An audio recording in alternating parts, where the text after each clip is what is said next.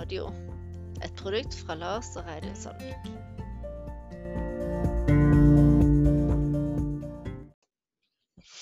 Kinn.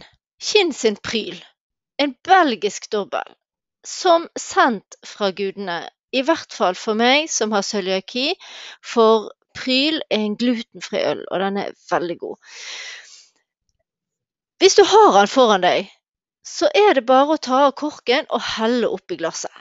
Hvis du ikke har vært på polet og kjøpt en pryl, så anbefaler jeg deg at du setter på pause og drar ut og får tak i denne eliksiren av en øl, og så kommer du tilbake igjen og hører resten av episoden. Jeg har pryl foran meg, og jeg tenkte jeg skulle ringe til Lote og få litt mer informasjon.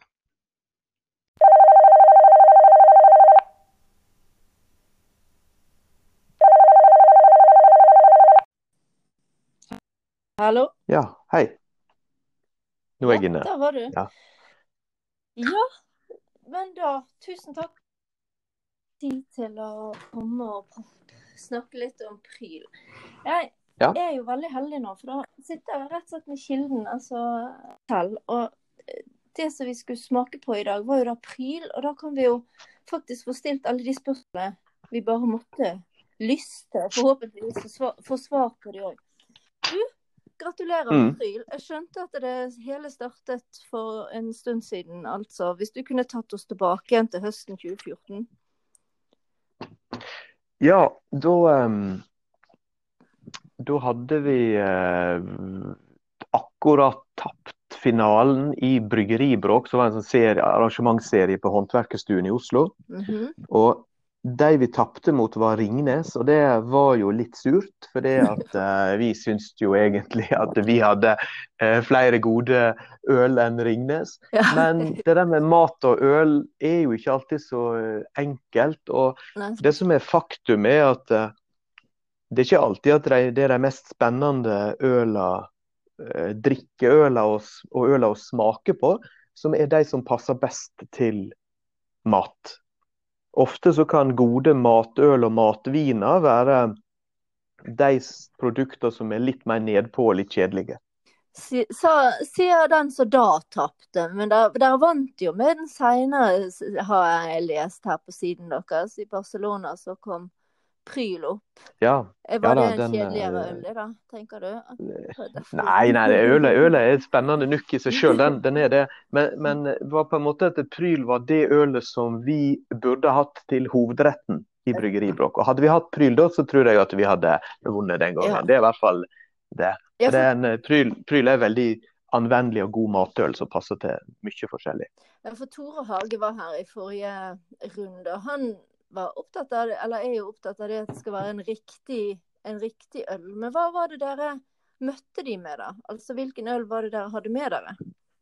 Oh, jeg husker ikke det helt, helt eh, nå, men eh, jeg tror vi hadde en litt kraftigere øl. Kanskje vi hadde Gamlegutten eller noe sånt. Mm. Og den ble kanskje det ble akkurat litt for eh, Ja, den, den var ikke så god match til hovedretten. Nei, Jeg, jeg syns jeg husker at det var noe sånt, men vi burde hatt Pryl. jeg skjønner. Og hva er det, hva var det du gjorde da når du skulle gå i tenkeboksen og lage pryl? Um, nei, jeg tenkte at vi, vi har jo god gjær og gode forutsetninger for å lage belgiske øl her på Mm. Kinn med den gjæra vi har, og de åpne gjæringstankene som er laga utrolig eh, mjuke, fine øl. Mm. Eh, og så ville jeg lage en belgisk dubbel. For på den tida så hadde vi allerede etablert Bøvelen som en trippel. Men da er det Mm. veldig fint å kunne òg komme med en dubbel. Men så Ja. hadde ikke jeg lyst til å ha den kraftigste dubbelen heller. For det, veldig ofte så er det en tenker sånn at en dubbel skal være eh, mye mye kryddertoner, mye sjokolade, mye karamell på en gang. Og, og egentlig så er det mange dubler som på en måte begynner å nærme seg mer mot den, det neste steget over trippelen, altså en kvadruppel. Mm. Jeg tenker at det skal være så kraftig. Men vi selv hadde lyst til å lage en dubbel som var rundt 7% men likevel var litt lettere smaksmessig. for at den skulle være en bedre matøl. Men hvor viktig er disse kategoriene sånn egentlig? Nei, det er ikke så viktig egentlig. Det er jo ikke det, men eh, det Mm.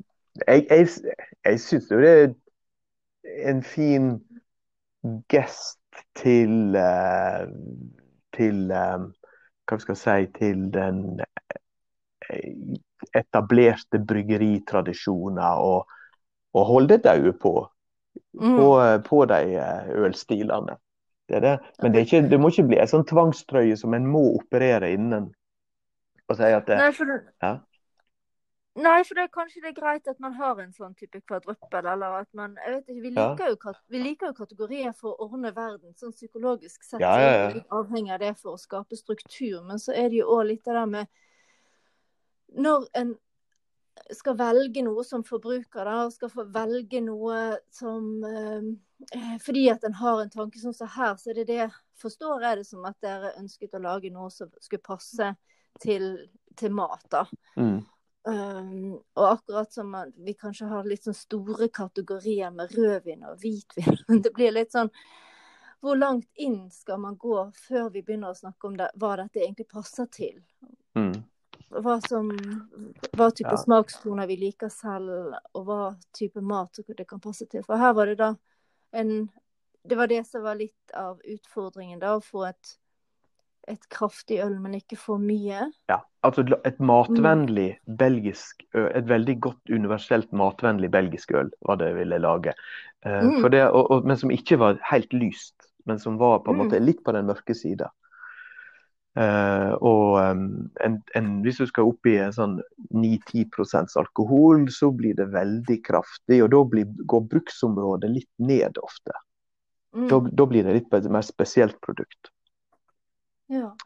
Og så fant vi òg omsider ut litt seinere at eh, vi tenkte at vi skulle lage et par glutenfrie produkt, at det her var jo et produkt som ville passe veldig bra. For det at uh, det er Vi har da Pilegrim, som er lys, enkel 4,5% øl. Som er på en måte mer sånn lett og forfriskende. Og da vil er det en APA, det? Eller? Nei, det er mer en Nei, engelsk noe? pale ale, vil jeg sagt. Høyde. Ja. Ja. Mm. Den er hovedsakelig britisk i stilen.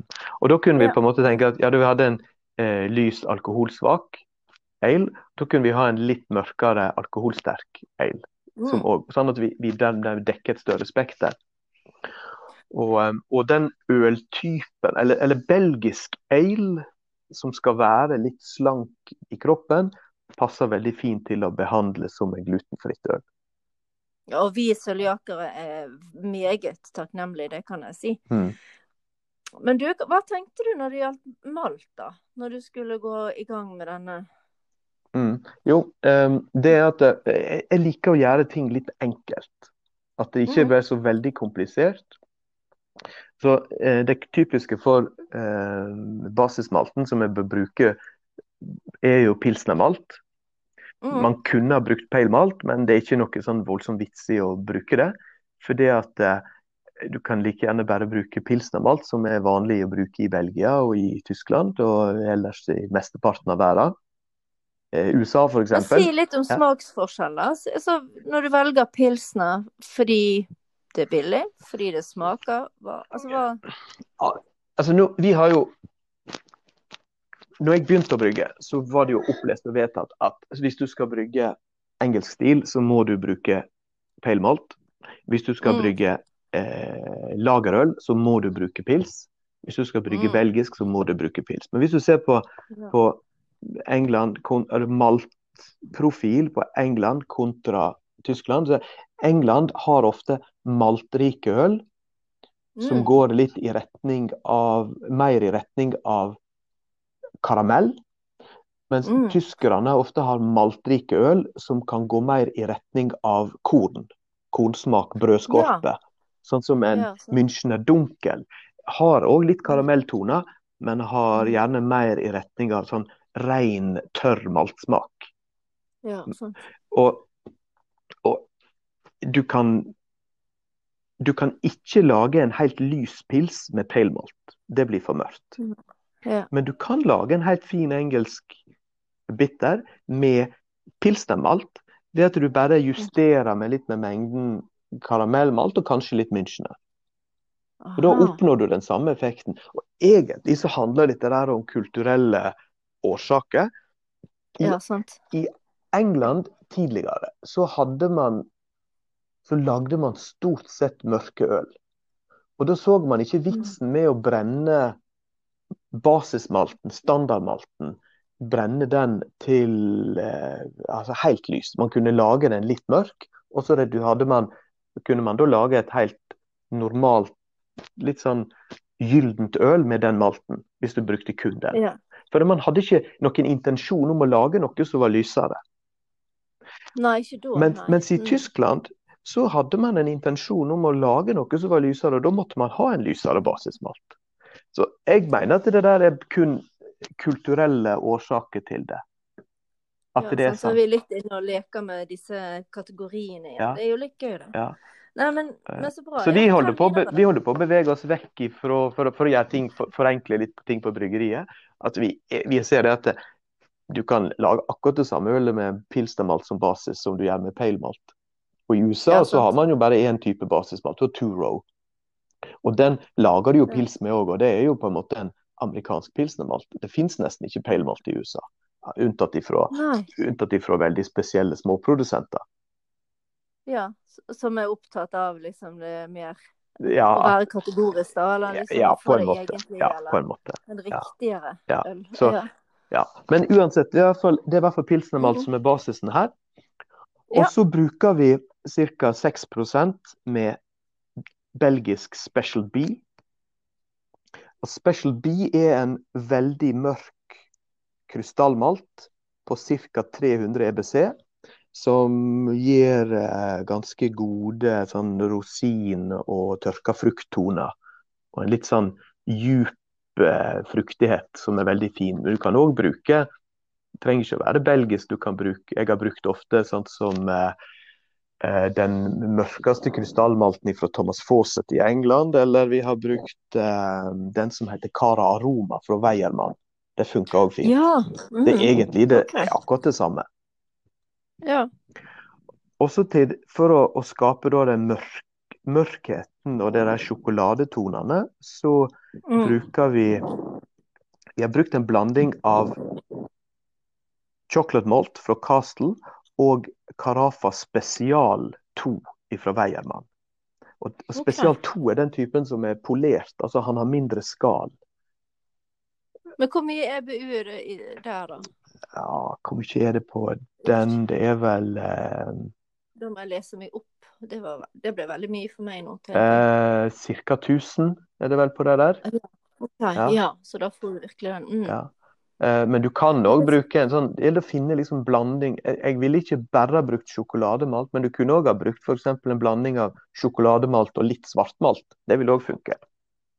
Ja, sant. Ja. OK. Mhm. Så svartmalt er på en måte en Altså sjokolademalt gir mer sjokoladesmak. Svartmalt gir kanskje mer eh, mer farge enn smak.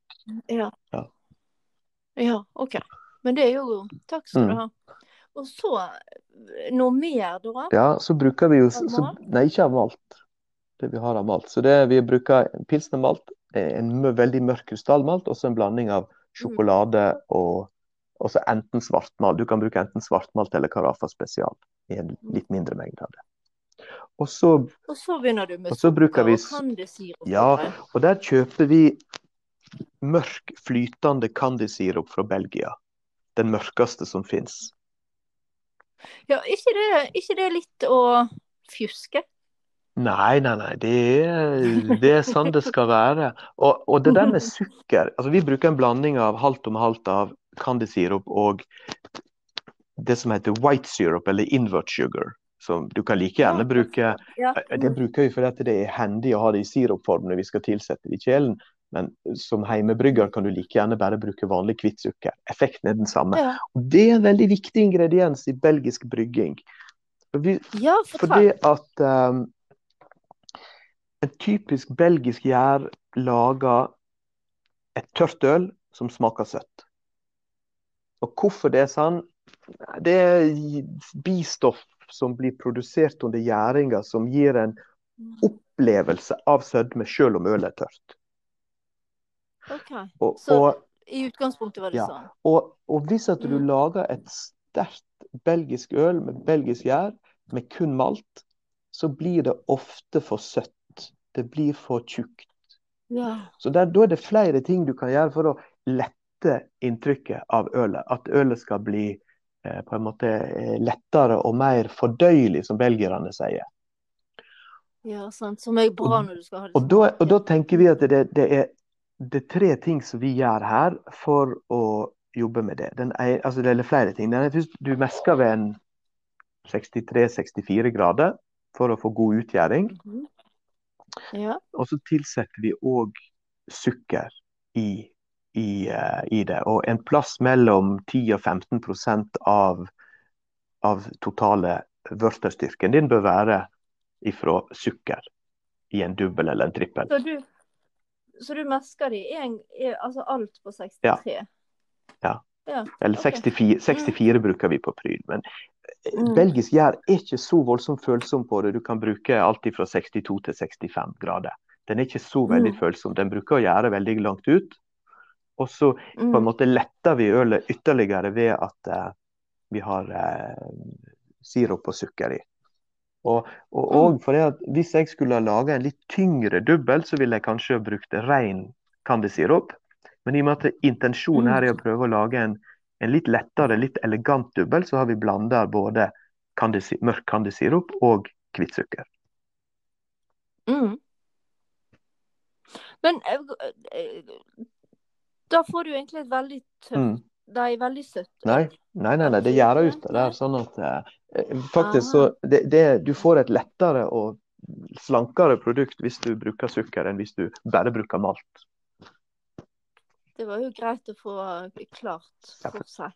Ja, men så ble jeg jo litt sånn For det her står det det er ikke bare overgjæret, men du har det opp til, helt opp til 28 grader. Det Ja, både ja og nei. Det, kan, det vil si at det de siste to åra, eller siste ett og et halvt åra, kan vi si, så har vi Mm. endra på gjæringsforløpet på pryl. Så den pryl du får kjøpt i butikken nå, er ikke gjæra på 28 grader. Nå bruker vi å tilsette gjæra ved 20 grader, det gjorde vi før òg, men vi Ja. den på Ja. 22. Og grunnen til det er at vi syns at vi får en bedre gjæringsprofil på det nå enn det vi hadde. Det var på en måte ofte Mm. sånn Ofte så er det sånn, sånn at vi, du får eh, Du kan få en veldig spennende gjæringsprofil hvis du tar det så høyt opp, men du får òg en del sånn fuselstoff. og Av og til så syns vi at det ølet spriker, spriker litt mye i forskjellige retninger når vi hadde det på 28 grader. Men når vi eh, Ja, vi syns, at, vi syns egentlig at vi har et bedre produkt nå når vi kjører 22 grader, enn da vi kjører 28. Men det er ikke kjempestore forskjeller. jo- Men uh, det, Men hva var det du ønsket å oppnå med å få det til rett, og, rett og slett å få den der liksom den kraft På en måte en kraftigere fruktighet på ølet. Men, Mm. eh, men det kunne bli Ja, litt for altså, mye, rett og slett. Ja, andre Altså frukttoner, Ja, rett og slett? Fra Mm. Og litt mer Mm. sånn fenoler og kryddertoner og sånt. Så det vi har gjort da ved, ved endring av oppskrifter, da, det er at eh, vi har, eh, vi har tatt, um, tatt temperaturen ned. Og så har vi bytta Mm. aromahumle på ølet ifra sas til tettnanger. Ja, det var bra at du sa, for det, akkurat det med humlingen følte jeg, følte at dere har vært litt avspist oss når det gjaldt Ja. informasjon. Så kanskje vi si litt mer om det. veldig Veldig og så har vi på, altså først bitterhumle. Der har vi bytta litt rundt på litt forskjellig. For det, dette er ikke et øl med mye bitterhumle. Bitterhumlen koker ut og ikke gjør så voldsomt mye ut av seg her. Og vi har òg testa ut at vi liksom prøver å bruke litt amerikanske humlesorter og, og sånn. Uh, og det har funka bra, men nå er vi på en måte tilbake til at vi bruker tysk magnum som bitterhumle på alle de belgiske ølene våre. Ok, og Hva slags syre Der snakker vi vi 13-15 da? Og det er en kjempefin humle som vi bruker også på pils, og vi bruker den på belgiske, belgiske øl. Og den gir en litt sånn kryddertone. Hvis den i hele tatt gir noe smak, Mm. så um, gir den litt sånn kryddertoner og, og sånn. Um, som, uh, men den er ganske ren og fin. Og, Mm. men til, og så har vi da, i og med at vi tok ned kryddernivået på, fra gjæringa litt, så øker vi opp Ja. med en humlesort som er mer krydra enn en, en Ja. sas, nemlig tettnanger. Og, og, det der, og tettnanger har en litt sånn pepper og jordlig pepperaktig krydderhet som òg tar ned opplevd sødme i ølet. Men sånn, sånn totalt sett, har Pryl forandret seg da? Nei, med ikke så mye. tiltakene Det er ikke så mye. Det, den, det, jeg vil ikke si det. Det, det, er, sånne, det er sånne småjusteringer som vi, som vi gjør. Og råvarene forandrer seg hele veien. og Gjær endrer seg litt med årstider og, og sånt. Og, og da, da kan vi gjøre litt, litt endringer. Med, men vi har jo en lettdrikkelig, godt krydra dubbel i sikte hele veien. Mm. Når, når, er det jeg måtte, Mm. jeg bare, Den humlingen. Jeg klarte ikke helt å slippe det. Altså, når er det Når i prosessen har du Ja, hva? vi, har det, vi, vi hiver i magnum eh, ved etter at, det har, etter at ølet har kokt i et kvarter, så hiver vi magnum. Ja. Og så, ja. eh, og så koker ølet da en halvtime med humle. Og da hiver vi i. sukkeret og sirupen. ja. Og så koker det et, enda et kvarter. Og da har vi i aromahumle. Så aromahumlen her koker i et kvarter. Og det gjør at Mm. Ja. da får du på en måte litt mer Du får ikke bare aroma, men du får òg mer smak ut av det. Gode tips. Mm. Men du, da er jeg litt at jeg tenker når hvis jeg da har det åpnet en Mm. flaske Pryl nå, og jeg har helt i et glass, og så ser jeg på fargen. Hva tenker du at jeg ser? Kopperfarge. Litt mørk kopperfarge. Det har jeg. Jeg har et glass Pryl før meg her nå, som jeg har åpna. Og det er et øl Ja. som er helt klart med mørk kopperfarge. Det er ganske Det er mye bobler som kommer opp hele veien i ølet, for det er høyt karbonert. Vi bruker Mm. Vi bruker ca. 11 gram sukker per liter Oi! når vi karbonerer det. Eh, hvis du skal bruke tørt sukker, så kan du redusere litt, kanskje ned til 10 gram. Så Ja, Ja. for du, dere har laget ja, vi, eller vi bruker en sirup som er, Mm, som er sirup, litt mindre Mm. tørrstoff i en vanlig tørt sukker. Mm. Men så ca. 10 gram burde du bruke hjemme med vanlig sukker. Og så eh, Mm. Og så bruker vi òg å karbonere ølet med en gjær som heter Fermentis F2. Og den er så. fin fordi at den flokkulerer dårlig. Og når en gjær flokkulerer dårlig, så tar det litt tid å klarne, men det er på ei flaske er ikke det så avgjørende. Men da får du et sediment som legger seg som et sånn kompakt, tett masse på bunnen. Det er ikke noen klumper som fly, av store gjærklumper som flyter rundt i ølet. Den oppfører seg veldig fint. Og så har Mm. ølet et ganske bra skum, og nei, det ser veldig fint ut.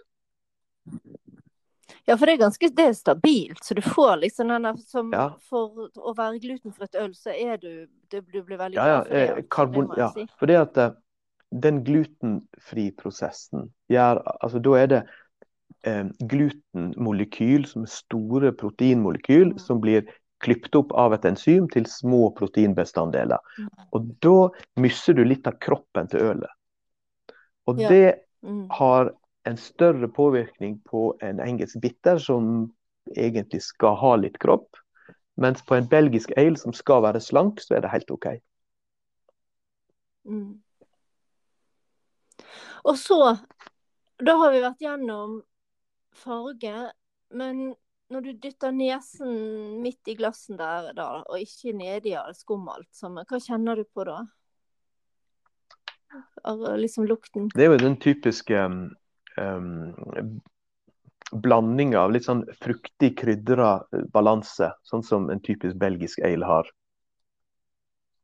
Men kjenner du igjen den Mm, pepperen ja. der? Så du hadde Ja, vi kjenner igjen litt av den uh, pepperen. Og så er det litt sånne, sånne smakstoner som går litt i, i retning av nellik, uten at det er helt sånn Det er ikke sånn nellik som i, som i belgisk Nei, unnskyld, i tysk um, kveiteøl, sånn som i, i um, ja, de mest krydra tyske variantene. Og så den gjæra vår, den eh, som stammer fra Vestmalle, gir, er veldig kjent for å gi en del banan òg. Skumbanan. Ja. Ja. Jeg har nok lagt meg mer merke til det, mer det Mm. søte, altså. Det er mer Mm. Ja, det er en, det er en Ja, sånn søt har- ja, og det er en sånn jeg søtlig eh, fruktaroma som kommer inn òg. Litt sånn rød bær, litt sånn eh, rips eh, og, eh, og sånn. Ja.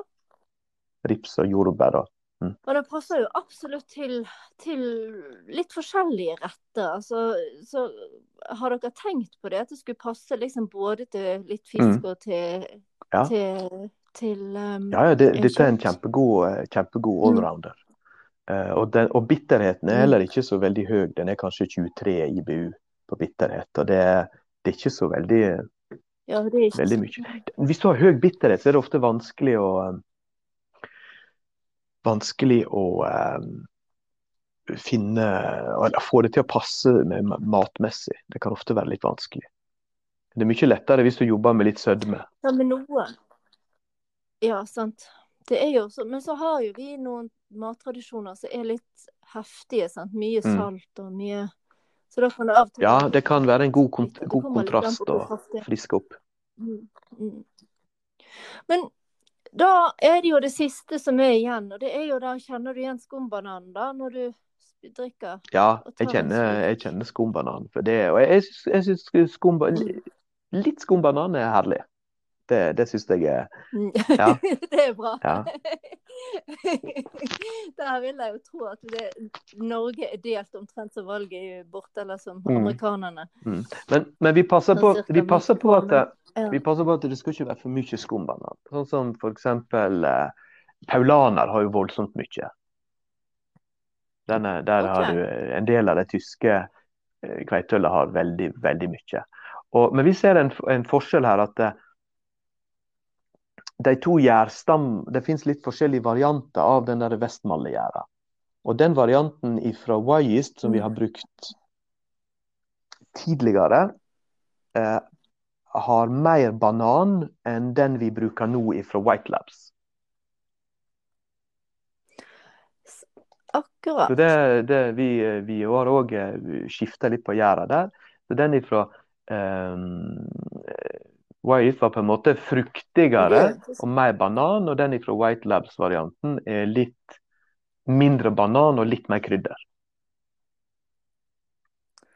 Men det, det er litt sånn Litt sånn uendelighetsarbeid. Altså, jeg tenker at så det å lage øl, det er Det er jo noe en aldri blir ferdig med, eller har funnet fram. Det blir litt det der at en tenker som sanger at en aldri har laget den siste og Mm. fineste sangen. Den, den må fremdeles være der ute. Og det er utrolig mye å kunne om øl. Helt sånn Mm. uendelig. Nei, nei, nei. Det, det er på en måte Det, det, det, det er litt sånn, det er litt sånn finpussing. Det hadde vært litt kjedelig hvis du tenker at ja, nå har, nå har vi det liksom helt perfekt. Det, og så skjer det en eller annen endring eh, i Ja, på en måte som Ja, du bytter en råvareleverandør, eller at denne, dette året så smaker ikke humla sånn som den gjorde i fjor. Og så tar du og, og, så, og så blir det litt spennende da, for da kan det hende at vi eh, må blande inn en annen humlesort for å få samme smak som det vi hadde i fjor. Og det ja, Ja, men det er en del av, tiden, eh, ja, det er en del av jobben her. Så. Ja. Det, Men du, altså, så for meg, som en sånn avslutning Jeg setter veldig stor Mm. pris på all tiden du har brukt nå, men um, når, når blir Brezjnev nei, glutenfri, da? det har ikke vi tenkt å, å gjøre. Uh, og, og, av, og, og det som òg er, er at uh, den prosessen med uh, å lage glutenfritt øl er um, den, den, måte, den passer best og er tryggest hvis du har øl som ikke er så kraftige. For det er et sånt øl som Mm. Brezjnev som er vel enda sterkere og eh, tjukkere, eh, og altså mer kropp, så må du da bruke mye større mengde, mengde eh, av det der enzymet for å være sikker på at du kommer ned på det nivået du skal være. Og, eh, og, så, jeg skjønner. Så da blir jeg sittende med nesen nedi. Da blir jeg sittende med nesen Men det er kjekt at du spør etter Brezjnev. Brezjnev er et av mine absolutte favorittøl sjøl. Og det jeg, eh, jeg tok meg en flaske Bresjnev sjøl i, i, i, går. Og det var godt. Ja. Og, men det kan bli litt mye med 75 centiliter av den, så nå tar vi Og ifra januar av så blir den tilgjengelig på 33 på polet. Hallo? Ja. ja. Du forsvant litt. Å oh, ja. OK. Ja. ja. ja. Så dere har laget den i litt mindre, eller? Ja, da er det blitt på 33 centiliter. Det er nok en god ja. idé, altså. Det tror ja. jeg. Men, men mm. samtidig er det jo et, en flott mulighet at man kan dele. Ja da, deling er fint. Ja. Ja. nei, men du, tusen takk. Eh, det hadde vært gøy å høre også om det er noe sånn noen voldsomme nyheter, at vi burde være inne på siden og vente i spenning på noe nytt. Men jeg... Vi kommer med, vi kommer med en veldig god versjon av Rekved nummer seks, Grunnfjell, i desember. Oh. Nei, unnskyld, vi kommer i januar. Ja. Og så i mars skal vi òg komme med noen spennende nyheter fra, eh, fra Vestlig Kinn. Ja, men da må vi jo sitte ja. og vente alle sammen ja. i spenning. Så det, det, blir bra. Noe å glede seg til i 2021. Tusen takk skal du ha. Ja da, absolutt. Ja. Fint. Ha, ha det godt. Greit. Ha det bra. Ha det.